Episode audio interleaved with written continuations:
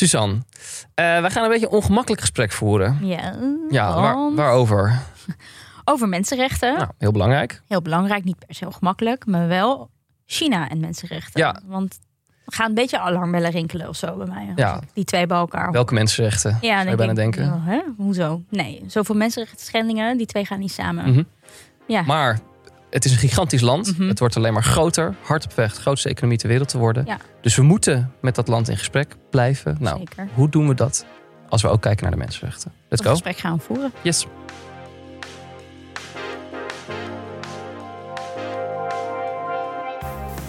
Ja, Suzanne, we gaan het vandaag hebben over mensenrechten. ehm, en heel specifiek over mensenrechten in, in China. Mhm. En er is ook wel een reden om dat nu te doen. Hè? Want, want ja. Ja. kun jij eens uitleggen wat is er eh, gebeurd? Ja, want eh, een half jaar geleden eh, was ons landje eigenlijk in rep en roer.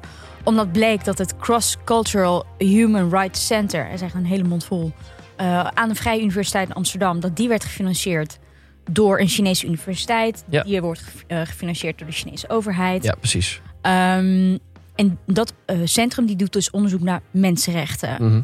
Eh, er was heel veel consternatie over, want er zijn gewoon mensenrechten schendingen door China. Ja. En daarop volgde een onderzoek vanuit de VU. Ehm, en twee weken geleden besloten zij eigenlijk om te stoppen met dit centrum. Er was in ieder geval geen sprake van omkoping of van zelfcensuur. Maar, eh, zeiden ze wel, de opvattingen schurkten nauw aan tegen de uitspraken van de Chinese president. Dus er waren nogal wat vraagtekens bij. En daarom dachten ze, Ja. hoppa, eh dichter mee. Ja, en er kwam, ook, kwam er ook nog bij dat er een, een medewerker was eh, van dat centrum.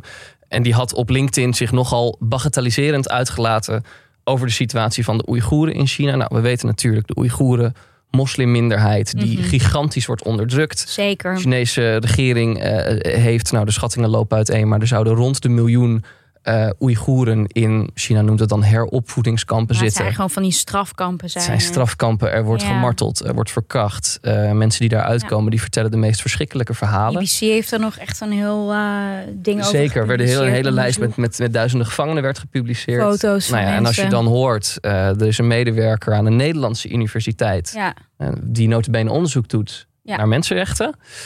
ehm, die zich hier dus eh, ja, la, la, laatdunkend over uitlaat. het Ja, wat de vakgehalte was best wel hoog. Als ja dat gebeurde gewoon eh, in Amsterdam. zeggen. Ja. Als het over China en mensenrechten gaat, dan wordt het toch wel ongemakkelijk. Hè? Mhm. De Olympische Spelen die waren afgelopen februari in China. Ja.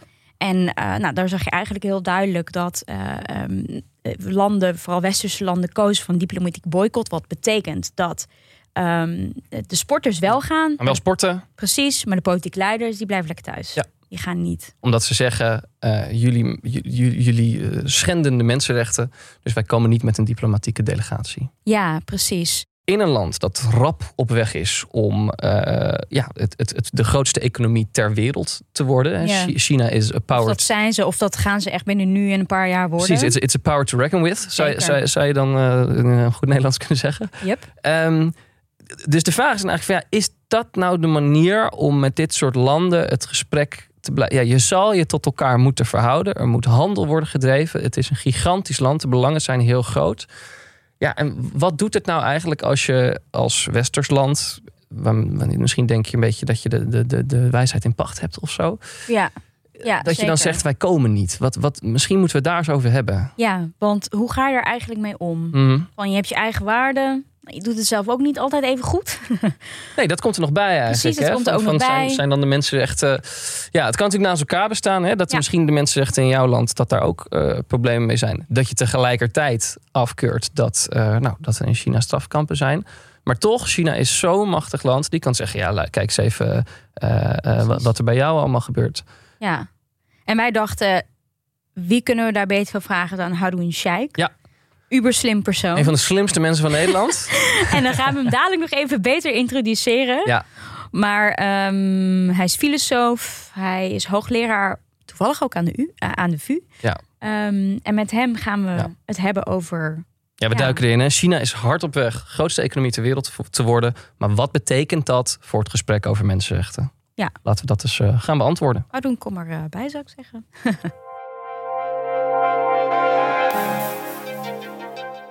nou, Haroun, we gaan je even volwaardig eh, introduceren. Want je, je studeerde filosofie, politicologie en bestuurskunde in Leiden en in Oxford. Uh, nu ben je bijzonder hoogleraar Strategic Governance of Global Technologies aan de VU. En je bent werkzaam voor de WRR, dat is de Wetenschappelijke Raad voor de Regering. Nou, je schrijft ook nog boeken, uh, zoals bijvoorbeeld De opkomst van het Oosten, Eurasië en de Nieuwe Wereldorde. En dat is nog niet alles. Ga nog even door. Er zijn ook uh, mensen die fan van jou zijn, uh, las ik. Uh, zoals een hele beroemde Duitse filosoof, Peter Sloterdijk. Die heeft over jou gezegd... Als denken meer wil zijn dan een bevlieging of koppigheid... dan zal de denker zich moeten verheffen tot een medium. Van, van Haroun Sheikh kunnen we zeggen dat hij zo'n medium is. ik zie jou lachen. Mooi hè? Ja. ja. Wat, wat, betekent, wat betekent zo'n zo'n kwalificatie voor jou? Is nogal wat, toch? Ja, zeker. Um, Peter Sloterdijk zat ook in de commissie van mijn promotie. Ja. Um, ik vind hem een van de meest interessante levende denkers. Mm -hmm. um, en uh, ja, dus dat is wel echt mooi, dat contact dat ik toen ook... en dan soms nog wel eens met hem heb, dat is uh, bijzonder inspirerend. Mm -hmm. ja. Is, is er iets waar je niks van af weet? Genoeg. Geef eens een voorbeeld. Dat jij weet alles. nee, ja, ik bedoel, het klopt denk ik gewoon dat hoe meer je van dingen weet, hoe vooral je ook realiseert hoeveel je dus ook niet weet dan Ja. een keer. Ja. Wat er allemaal nog meer achter zit. En, en heeft- je hebt altijd een soort, ook een soort urge om altijd meer te willen weten. Ik zag, ik zag je hebt op zoveel onderzoeksvelden, van de filosofie tot inderdaad eh, eh, internationale betrekkingen, waar jij je in verdiept. Soort eh, eh, eh, niet te stille honger naar kennis. Ja, dat zeker. Ik, ik, ik vind het ontzettend interessant om eh, te onderzoeken. eh, ook heel breed te lezen. Mm. Eh, ik probeer ook gewoon eh, regelmatig vreemde boeken te lezen. Gewoon even een veld waar ik niks van af weet. Om ook gewoon met mijn creativiteit te stimuleren. Ja. En, en een ander perspectief te hebben. Ik heb net bijvoorbeeld op vakantie ook een geschiedenis van materiaal gelezen. Oké. Van materiaal? Ja, welke materialen hebben we als mensheid nou bij ons gehad? Van de steentijd, ja, ja, ja. keramiek tot staal en nu silicoon en glas. Ehm, dus dat zijn gewoon dingen die ik gewoon leuk vind om, om, om, om het te verbreden. Ehm, maar er zijn ook een paar gewoon grote thema's. En die hebben vooral te maken met eh, ja, internationale verhoudingen en nieuwe technologieën. Die we overal wel een beetje doorheen werken in wat ik, wat ik doe. Ja, precies. Ja. In een interview met Vrij Nederland uit 2016 eh, zeg jij... in de nieuwe wereldorde wordt ons democratisch model uitgedaagd... door, een door autocratisch populisme à la Poetin... en technocratie à la China. Nou, dat is alweer zes jaar geleden. Is het al zover? Ehm, ja, ik denk wel dat, we, dat dat al echt nu flink gaande is. Mm. Zeker, zeker. Ehm, en dat zien we nu denk ik al op allerlei gebieden. Hè. Eh, eh, zowel bijvoorbeeld recent met COVID als nu rondom het vraagstuk van voedselexport. Dat is niet alleen maar een strijd om goederen en middelen, maar dat is ook al een ideeënstrijd. Eh, Sergei Lavrov is nu naar Afrika om op tour te zijn. Ja. Om eigenlijk hè, het Minister Russische wereldbeeld eh, eh, aan, aan Afrika uit te leggen. En, en, en nou, in zekere mate werkt dat op bepaalde plekken ook. Dus waar ik het inderdaad toen over had, dat eh, die opkomende landen niet alleen maar producten gaan exporteren, maar ook ideeën. Dat we daarmee om moeten gaan. Nou, dat is volgens mij wel nu echt volop gaande. Ja. Alhoewel we nog pas echt nog aan het begin daarvan staan. Ja, ik vind het hele spannende tijden, inderdaad, eh, als, we, als we daarnaar kijken. Om nog even terug te gaan eh, naar de eh, VU. Jos en ik die hebben het er net even onderling over gehad. Ehm, over het Mensenrechtencentrum eigenlijk dat daar is gesloten inmiddels. En dat werd gefinancierd door de Chinese overheid. Hoe, hoe kijk jij daarnaar? En hadden zij een punt door men, dat, door dat centrum te sluiten? Ik weet zelf niks van het centrum. Dus eh, ik, ik kan niks, niks zeggen over eh, hoe dat precies verlopen is en, en, Ja. en precieze besluitvorming daarin. Maar ik denk dat die beslissing om het te sluiten wel iets, ehm, iets groters eh, aan het licht brengt. En dat is namelijk echt een vraagstuk dat we hebben als we het hebben over de- het gesprek China en mensenrechten. We lijken voor een soort van duivelsdilemma te staan. Hmm. Of we verdiepen ons in andere tradities, zoals die van China, en eh, nemen het serieus. Met als risico dat we het met ze eens worden of onze waarden verwateren. Een Mhm. beetje relativistisch worden. Of aan de andere kant, eh, nee, we houden vast aan onze waarden. Maar daarmee creëren we eigenlijk meer en meer spanning en een kloof met die andere delen van de wereld. En het lijkt een beetje dat dilemma te zijn. Van, hè, of relativisme, of gewoon toch het westerse waarden zijn superieur. Ik ben ervan overtuigd dat dit niet de enige twee opties zijn. Maar dat we steeds tussen die twee kan te schipperen. En dat het dan ook heel moeilijk is om Ja. een, een centrum te hebben dat andere waarden serieus neemt. En dan tegelijkertijd mogelijk eigen waarden op het spel zet. Laat wel zien hoe moeilijk dit dilemma is. Ja, hoor, want daar stip je wel iets aan. Want ik merk dus dat dilemma, dat speelt dus ook bij mij. Hm. Dat ik denk, oké, enerzijds wil je dus niet met dat vingertje wijzen naar andere eh, culturen en landen. En denk ik, ja, ze hebben ook wel wat te bieden. Maar aan de andere kant denk ik, ja, maar ik wil ook niet mijn eigen waarden die ik belangrijk vind, eh, daarvoor op het spel zetten. Dus ik herken dit heel erg. Dus dat zijn die twee smaken. Maar volgens jou zijn er ook dus nog andere smaken, als Ja. ik het zo hoor. Ja, dat is niet makkelijk. Ik bedoel, daar moeten we echt denk ik wel even de, de, de thematiek in duiken. Nou, daar hebben we nu gelukkig de tijd voor Laten met we dat elkaar. Maar ehm, eh, dit is, het is denk ik een vals dilemma. Dat we echt een van die twee kanten moeten kiezen. En ik denk de eerste stap die we dan moeten zetten... is dat we moeten erkennen dat hè, als we zeggen van nou... westerse waarden, Chinese waarden... dat we moeten erkennen dat beide tradities veel complexer en diverser zijn dan we denken. Dat klinkt gewoon logisch of bazaal misschien, maar het is echt wel heel belangrijk. Want in die spanning zit een soort van constructie van dat we denken: oh, het Westen dat staat altijd voor democratie en mensenrechten, dat is altijd zo geweest en dat zijn onze vaste waarden. En daartegenover hebben we China, wat altijd een dictatuur is geweest. En hoe kunnen we dat nou met elkaar verenigen? Nou, als we alleen al naar het Westen zelf kijken, heeft het Westen ook zelf een gigantische pluriformiteit aan waarden en belangen gehad door de tijd heen. Het Westen heeft ook natuurlijk kolonialisme gekend, uitbuiting, uitsluiting, et cetera. Ook mensenrechten, ook democratie. Hè? Dus, dus ook die dingen die we nu heel belangrijk vinden. Maar de vraag is dus niet zozeer wat is het Westen of de westerse waarden, maar meer binnen die diversiteit van westerse waarden, wat zijn nou de, de, de, de waarden die wij belangrijk vinden, die we relevant vinden eh, en die we willen versterken ten opzichte van ook schaduwkanten die er zijn. En vanuit die kant kunnen we denk ik met dezelfde blik ook naar China gaan kijken. Ja, want om, gewoon een concreet voorbeeld waarin dat dan bijvoorbeeld tot uiting kwam. Dat was bijvoorbeeld op het moment dat de Olympische Winterspelen in, in China waren. En dat eh, ehm, de Verenigde Staten eigenlijk als eerste zeiden van nee, wij, gaan, wij gaan geen eh, diplomatieke delegatie daar. We gaan er wel sporten. Maar we gaan er geen, diplomatieke delegatie naartoe sturen. Omdat wij het niet oké vinden eh, hoe er met de mensenrechten wordt omgegaan in, in China. Hoe, hoe komt zo... Nou, een aantal andere landen volgden geloof ik. Verenigd Koninkrijk, Australië sloten zich daarbij aan. Ehm, ja, wat vindt de Chinese regering daarvan? Het staat natuurlijk, zoals jij schetst, in een traditie van... eh, nou ja, dat wij met het vingertje wijzen, om het maar even zo samen te vatten. Ja, ja daar zal hè, vanuit de Chinese kant, zeker de regering, heel verschillende manieren eh, naar gekeken worden. Maar dit punt hè, dat je nu aanraakt, dat is, dat is zeker heel gevoelig in China. Mhm. Dat is gevoelig in heel de niet-westerse wereld. Ehm, eh, het, het, eh, en nogmaals, hè, we komen op het punt van ik denk wel degelijk dat we waarden die we belangrijk vinden kunnen verdedigen. Maar een belangrijke stap is inderdaad wel even te realiseren. Die waarden die zijn vanuit het Westen altijd wel geëxporteerd met een soort idee van dit is superieur. Mm. En sterker nog, ehm, dit is beschaving. Jullie leven in een soort van barbarij of achtergesteldheid. En Mhm. wij komen jullie wel even het gift van eh, cadeau van de mensenrechten geven. En als jullie er mee willen tellen in de wereld, dan moeten jullie die ook accepteren. Anders blijven jullie barbaren. Dat geldt voor de islamitische wereld, dat geldt voor, eh, dus voor China, voor Rusland, eh, Afrikaanse landen. Kijk, China is nu een land dat sterk opkomt. Ehm, dat het vermogen heeft om met die krenking, om daar harder tegenop te treden.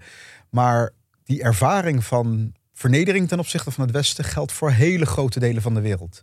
In China hebben ze het zelfs over iets, hè, wat ze noemden de, de, de eeuw van vernederingen. Mhm. Die begon in de jaren 50 van de 19e eeuw. Engelse opiumoorlogen. China is een eeuw lang vernederd door het Westen. En nu is het eigenlijk bijna een eeuw bezig om weer terug te komen. Ehm, Was dat ook altijd het doel om echt die comeback te maken? Om gewoon weer op dat wereldtoneel te verschijnen als een grote macht? Eh, ja, dat is zeker iets wat. ehm, eh, zeker niet van het huidige Chinese beeld, maar ehm, er is in China natuurlijk een vrij sterk eh, zelfbewustzijn altijd wel geweest. Dat China een. Het is ook gewoon echt een. Het heeft een gigantisch grote, complexe beschaving. Eh, eeuwenlang eh, staatsvorming, cultuur, filosofie, kunst. eh, al- alles heeft China zelf ontwikkeld. En heel lang is het ook, dat, dat weten we ook uit de geschiedenisboeken, de grootste economie ter wereld geweest, tot 1800 zo'n beetje. Eh, nou, er was een, ooit een, Chinees gezegde dat zei: eh, de, eh, de barbaren hebben veel van de Chinezen geleerd, maar de Chinezen hebben niet veel van de barbaren, niks van de barbaren geleerd. Maar de barbaren bedoelen ze alle anderen, hè? Dus Ja, ja, ja. de rest van de hele wereld. Ja. Nou, dat is inmiddels wel anders, want ze hebben wel echt wel heel veel dingen ook geleerd. Dat moesten ze ook leren, juist om nu juist van die sterke economie nu te maken. Maar ja, dat er in China een idee is van, ja, wij- wij, hebben, wij representeren een belangrijke cultuur. En eh, eh, dat mag wel wat erkenning krijgen. Dat, dat, dat speelt daar zeker. Ja. Ja, en, en, en toch, ik, ehm, ik denk wat dan gewoon de vraag is die boven de markt had, is de, de platte nieuwsconsument. Die kijkt televisie, die leest de krant en die leest dat er, nou, de schattingen lopen uiteen, maar dat er rond een miljoen eh, mensen vanwege hun geloof, de Oeigoeren, ehm, in kampen zitten, eh, worden gemarteld, gefolterd, verschrikkelijke omstandigheden.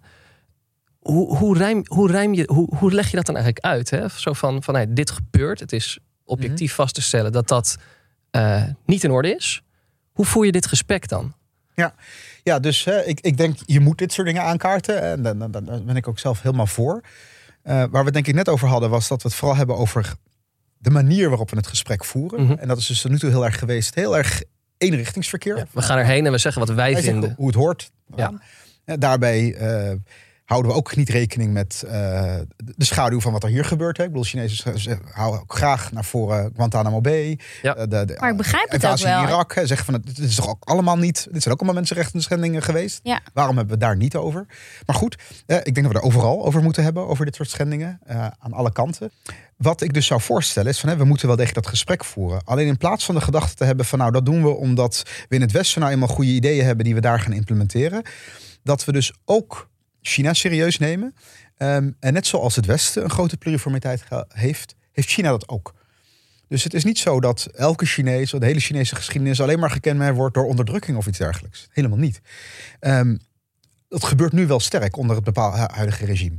Maar ik zou zeggen, laten we juist aansluiting vinden bij die kanten van China, die eigenlijk misschien veel dichterbij staan bij dingen die wij belangrijk vinden. En waar moeten we dan bijvoorbeeld aan denken? Want eh, hoe ehm, die, in, die, in die pluriformiteit, wat zijn nou bijvoorbeeld stromingen of mensen die bepaalde ja. eh, mensenrechten of ideeën aanhangen die weer overeenkomen met hoe wij denken? Ja, verschillende. Ik denk als je gewoon de Chinese geschiedenis ingaat, heb je een aantal tradities zoals het Confucianisme, het Taoïsme, die echt mooie concepten hebben die dichtbij komen bij wat wij, nou, niet per se misschien mensenrecht, maar wel een vorm van humanisme zouden begrijpen. Confucianisme beschouwt ook gewoon humaniteit als een van de hoogste waarden. En dat heeft te maken met een bepaalde zachtheid naar de medemens, liefde voor de medemens. Sterker nog, de medemens daarvan houden als van jezelf en van je eigen familie. Dat, dat soort waarden zijn echt altijd daarvanuit verdedigd. Eh, ook willen leren, leren van anderen. Dat is ook een, een diepe waarde uit die traditie. En als we het bijvoorbeeld hebben over zoiets als eh, democratie, hè, de, dat heeft als zodanig een- niet bestaan. Maar er is wel een, een oud Chinees idee van het mandaat van de hemel. Wat betekent dat de keizer of de, de vorst alleen regeert als die goed is voor de mensen. Hmm. En daarom mocht in het verleden ook een keizer afgezet worden. Als de oogst mislukte, als er slechte oorlogen waren, als het misging in het land, was het legitiem om de keizer af te zetten eh, en een nieuwe dynastie te stichten, omdat het volk leed. Nou, dat, eh, dat zijn denk ik wel ideeën die eh, interessant zijn, die, in die, die ik zou zeggen, laten we proberen juist die kant sterker te maken, daarbij aansluiting te vinden. Want dan kunnen we namelijk dingen die wij belangrijk vinden, daar herkennen, maar ook op een manier verdedigen die daar ook beter valt Mhm. dan nou, dat het simpelweg eenrichtingsverkeer is. Eh, en dat heb je dus in die oude traditie, heb je dus dit, dit soort ideeën. En dan heb je trouwens nu ook nog echt wel hele interessante Chinese denkers. eh, die, die proberen ook nou ja, op een eigen manier mensenrechten invulling te geven. eh, waar we ook een interessant gesprek mee aan kunnen gaan. En die, wie zijn die denkers dan? En wie moeten we dan denken? Ehm, nou ja, als we dan even duiken inderdaad in ehm, hoe het gesprek over mensenrechten in China nu gebeurt. Een van de manieren waarop het nu wordt uitgedaagd, en dat is denk ik wel iets dat ons ook zou kunnen prikkelen of tot nadenken.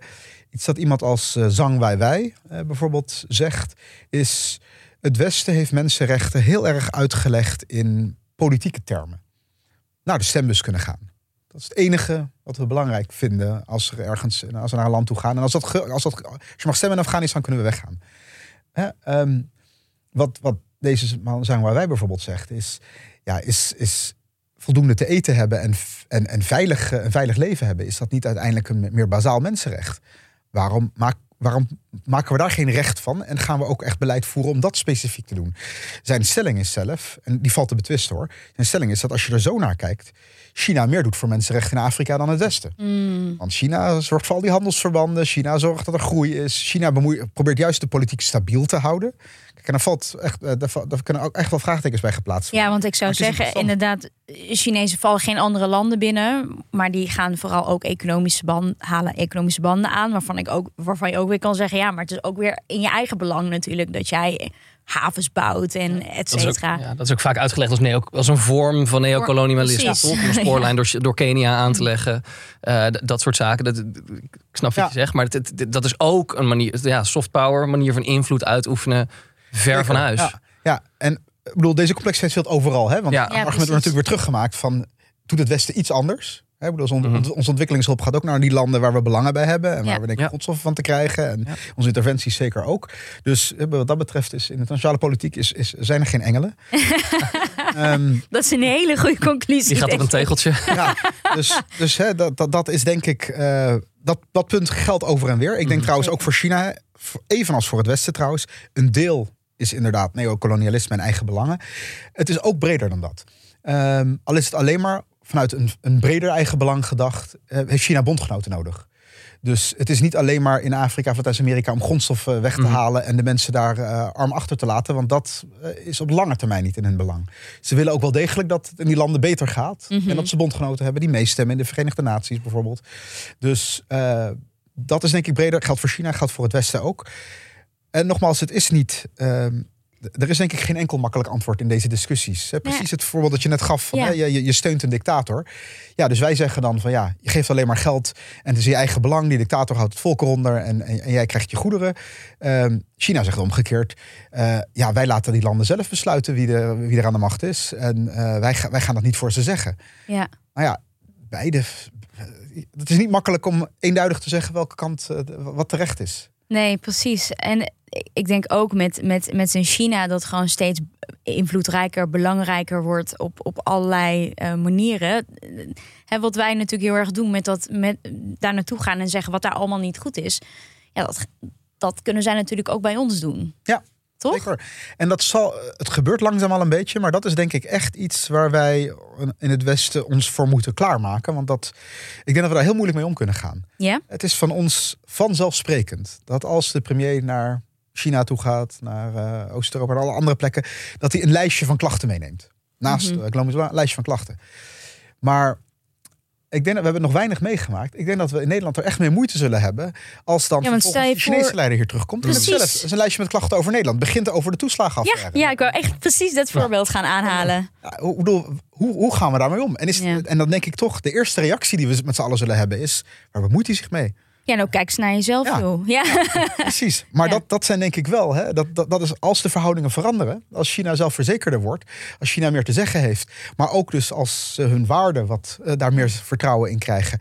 En trouwens, hè, als er ook natuurlijk... Er gaan ook allerlei dingen hier... Er gaan ook dingen mis. Mm. En hè, de vraag is er natuurlijk wel van... Hè, eh, eh, hoe gaan we ermee om als anderen ons daar ook op gaan wijzen? Wij doen wel alsof we al, iedereen kunnen vertellen wat er mis is. ja. Maar we hebben er heel veel moeite mee om van anderen te horen wat wij verkeerd doen. Maar kun jij, kun jij eh, eh, een begin van een antwoord op die vraag formuleren? Want het is natuurlijk, het ligt op de loer dat je misschien in een vorm van, van cultuurrelativisme belandt. Dat je, dat je eh, nou ja, een bepaalde mate van begrip gaat opbrengen. Terwijl er wel degelijk zaken zijn. Eh, het bespioneren van de eigen bevolking, zoals dat gebeurt in China. Of nou ja, de kampen van de Oeigoeren. Hoe, hoe ga je dat gesprek aan zonder dat soort zaken goed te keuren? Maar om wel dat gesprek gaande te houden, dat je dus niet in eh, heen en weer vingerwijzen belandt. Het- Ja, het lijkt me oneindig ingewikkeld. En Ja. daar ben ik heel benieuwd wat jij ervan vindt. Nee, daar is denk ik dus geen simpel antwoord op. Maar we Nee, moeten denk ik een helaas. paar sporen volgen. Ja. Ehm, ik meen dus, waar we het net ook even met elkaar over gehad hebben. Ik denk een van de meest vruchtbare sporen voor ons gaat zijn... om in ieder geval niet in de val te trappen van... ehm, wij hebben mensenrechten, zij hebben dictatuur. En dat is het nou eenmaal. En Mm. zo.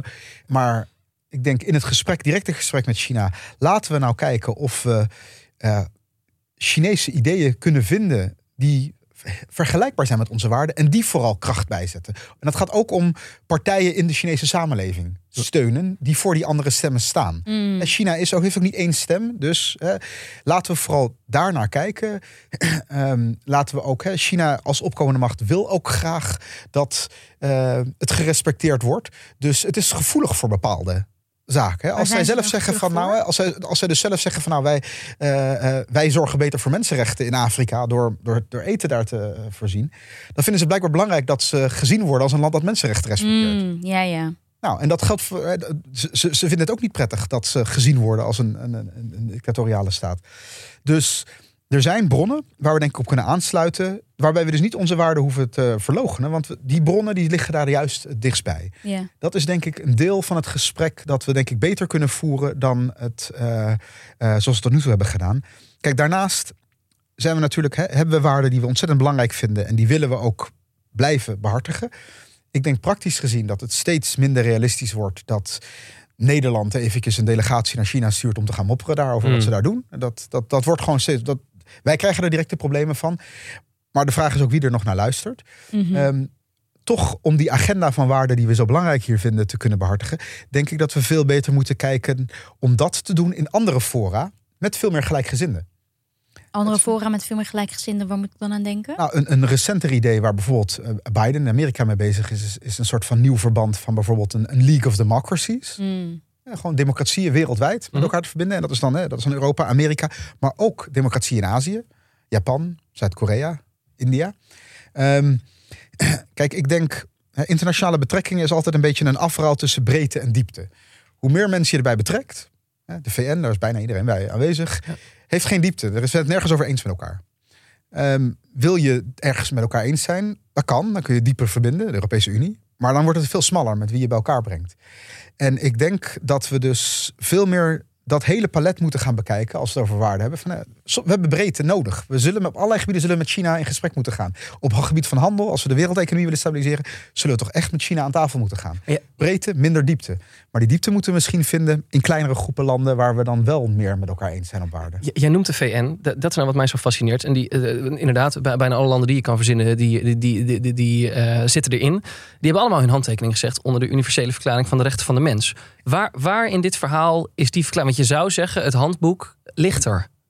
Ja, en ik dacht, en dat is ook een beetje vet naïef waarschijnlijk van mij. Maar dan denk ik, oh, we hebben iets, dat is universeel. Iedereen heeft het ondertekend. We're Ja. good. Ja, En misschien dan, heel naïef, hoor, maar ik- erachter van, Ja. no, we're not. Ja, nee, maar dat, dat is denk ik Ja. precies dat punt van die breedte. Hè? Ik bedoel, dat is, dat is, zo werkt het nou eenmaal. Als je gewoon een hele diverse groep bij elkaar zit. Als je echt heel inclusief wil zijn met iedereen, ja, dan, dan is de, de basis is heel dun. Ja, dan onderteken je Mm. misschien wel iets. Maar Dus je zegt ja, dat handvest is natuurlijk in een periode getekend dat het Westen nog koloniën had. Hè? Ik bedoel, Zeker. dus eh, we hebben wat dat geen voorbeeld gegeven in, in, Ja. eh, Ja. in zelf die dingen eh, te behartigen. eh, of die waarden na te leven. Laat staan dat het voor anderen geldt. Kijk, dat maakt de VN niet nutteloos. Of, eh, ehm, het is gewoon een forum dat zo'n rol heeft. Het is een, rol waar, eh, het is een forum waarin we in ieder geval ieder- iedereen een stem kunnen geven. Ja. Ook dus hele verschrikkelijke dingen horen we daarin. hè. Ook daar eh, dictatoriale regimes laten ze van zichzelf horen. Maar dan hebben we in ieder geval een plek waar mensen nog praten. En, en dat zul je moeten doen, want voor heel veel vraagstukken moet je, je moet vaak met de duivel praten. Ik bedoel, Mm. dat kan gewoon niet anders. Als je het hebt over nucleaire proliferatie, als het rond, straks rondom klimaatvraagstukken, dan moeten we ook mensen die we onprettig vinden, moeten we mee aan tafel. Maar het is dus niet het enige. En ik denk dus voor de dingen die we echt belangrijk vinden, ja, daar moeten we denk ik wat, wat minder breedte opzoeken en wat meer diepte. Mhm. En daar is de Europese Unie natuurlijk een heel belangrijk forum voor. De NAVO is er een belangrijke voor. Ehm, maar ik denk dat de opkomst van landen in Azië ons gaat dwingen om creatiever te zijn en om meer na te denken Ja. over andere verbanden. En, en als ik daar nog één ding over kan zeggen, hè, ik vond het zo'n idee van, zo, van die democratieën. Wat denk ik ook heel belangrijk is in de relatie naar een land als China toe, is dat we dus ook landen als Japan, Zuid-Korea, eh, eh, India erbij betrekken. Want die zijn door hun bestaan simpelweg maken, maken ze al dat hele idee van Azië is dictatoriaal, Europa is democratisch, of het Westen is democratisch. Zetten ze, eh, verschuiven ze. We zouden bijna vergeten dat zij... Ja. ja, precies. Als, Democratie, als ja. India democratie gaat promoten, Ja. laten we het uitnodigen daartoe. Ik bedoel, terwijl het heeft natuurlijk zelf ook problemen met hoe het nu werkt daar. Ja. Maar als India gaat zeggen de wereld moet democratischer zijn, dan is het, dan, dan is het niet meer neocolonialisme. Precies. Ja, Ja. precies. Dus laten we ook dat soort stemmen uitnodigen. Zuid-Korea, ook gewoon hè, een ontzettend interessant land. Wat Mhm. op heel veel gebieden trouwens op Nederland lijkt. Ehm, niet voor niets dat ook hè, een- een, eh, mensen in topposities bij de VN en dat soort eh, leveren. Ehm, laten we dat soort partijen ook uitnodigen. Want Zuid-Korea qua waarde heel, deelt het heel veel met China. Alleen wel in een context van eh, veel betere democratische en mensenrechtenbescherming. Dus eh, Ja. dat zijn denk ik allemaal denk ik, onderdelen van, van de strategie die we kunnen voeren in deze andere verhoudingen. Even terug naar ons eh, kikkerlandje, hè, naar Nederland. Kleine landje op het wereldtoneel Ja, ergens aan de Noordzee. Eh, inderdaad. Nederland die is voor, voor een hardere aanpak. Hè. Dat is ook een, eh, zo'n commissie. Die vinden we we moeten er gestrekt been streng, streng ingaan. Als ik jou zo hoor, denk ik, dat is niet zo heel effectief. Klopt dat? Ehm, nou, mijn jij? indruk is in Nederland, eh, het, is, het, is, het, is, ja, het, gaat toch een beetje koopman en dominee. Soms is het een harde aanpak, soms ook weer totaal niet. Hè. Ik bedoel, dan is het ook gewoon eh, handelsbelangen en eh, tot op het laatste moment... eh, Is het niet altijd handelsbelangen? Ik zeg ik zeggen. heel voorzichtig.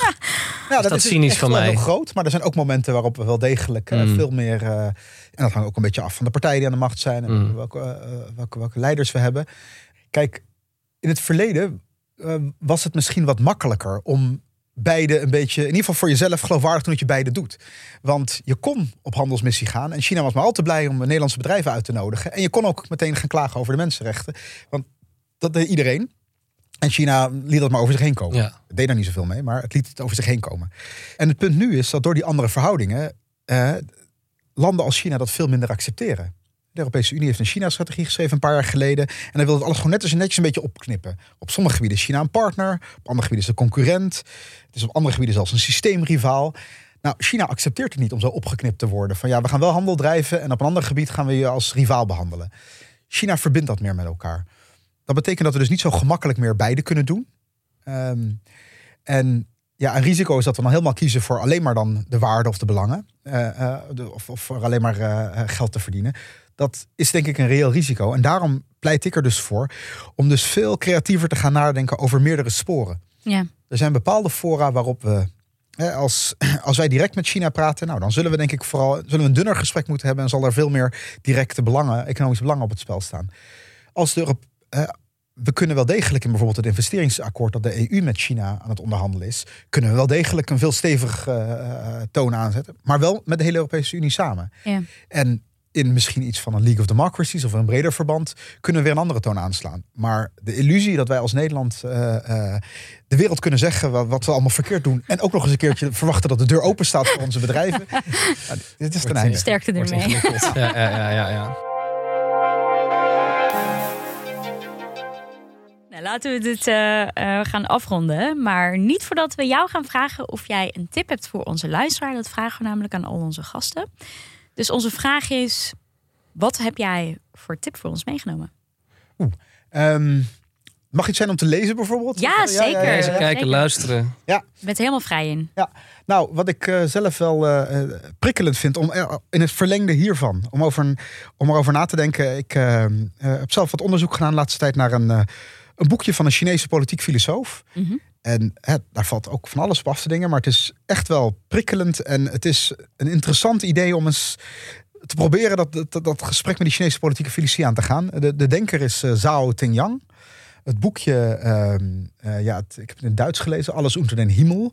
Ik weet, niet- volgens mij is ik weet niet of het in het Nederlands is, maar Everything Under Heaven, Tianxia, dat is het. Chinese woord ervoor. En de prikkelende stelling die hij daar doet, is dat hij zegt, eigenlijk de hele westerse politieke filosofie is er nooit in geslaagd om wereldvrede te denken. De hele westerse politieke filosofie is altijd op het niveau van staten blijven hangen. En staten beschouwen de buitenwereld als iets dat ze, waar ze nooit uiteindelijk echt vreedzaam in kunnen zijn. Alleen maar willen plunderen en, eh, of, of, of oorlog invoeren. Daartegenover zegt hij, China heeft al een paar duizend jaar geleden dit idee, alles onder de hemel, ontwikkeld. Wat eigenlijk de oplossing is voor internationale betrekkingen en allerlei grote mondiale vraagstukken. Nou, Dat klinkt nogmaals, fantastisch. het is, eh, ja, nogmaals, anders er valt wat over af te dingen. Ja, ja, ja. over af te dingen en eh, er, er zitten zeker eh, eh, lacunes ook in het argument. Maar daar begonnen we hier ook mee van. Ik denk dat het altijd heel goed is om jezelf te prikkelen met, met, met vreemde ideeën. Ja. Eh, ook, ook juist als je denkt van intuïtief, hoe kan dit? Eh, of, eh, eh, nou, daarom zou, dan zou, ik, zou ik dit boek wel aanraden. Alles onder de hemel. Alles onder de hemel. Nee. Ja, ik, en ik denk, ook, ik denk ook echt dat het ook voor ons de, het vertrekpunt geweest. Hè, van oké, we hebben bepaalde waarden, maar hoe staat dat eigenlijk in andere landen en hoe kijken zij naar ons? En dat was ook voor ons de hele reden om deze aflevering te maken. Dus ik denk dat dit boekje daar gewoon heel goed bij past. Ik ben heel benieuwd naar. Dank eh, voor alle wijsheid. Ja. Gaan wij even netjes afkondigen. Ehm, want heb jij een vraag en eh, is er een land waarover je meer zou willen weten? Laat het ons dan weten. ja. Je kan met ons in eh, contact komen. Dat kan via Twitter op @vervanjebedshow of via ons Instagram-account. En daar heten we @vervanjebedshow podcast. En eh, de tips en eh, eh, dingen die we aanraden, dat staat Allemaal in de show notes. notes van onze aflevering. Ja. Nou, Haroon, Dankjewel. Uh, het was een zeer leerzaam half uur. Ja, ik vond het heel prikkelend. Uh, ja, prikkelend, dankjewel En uh, graag kom nog eens terug. Leuk, dank. Dit was de Ver van je Bed Show. Volg ons in je favoriete podcast-app. De Ver van je Bed Show is een productie van Dag en Nacht Media. Redactie door Timo Harmelink en Meerte van Munster. edit door Suzanne. En muziek van Lucas de Gier. Volgende week dan zijn we er weer. Tot dan.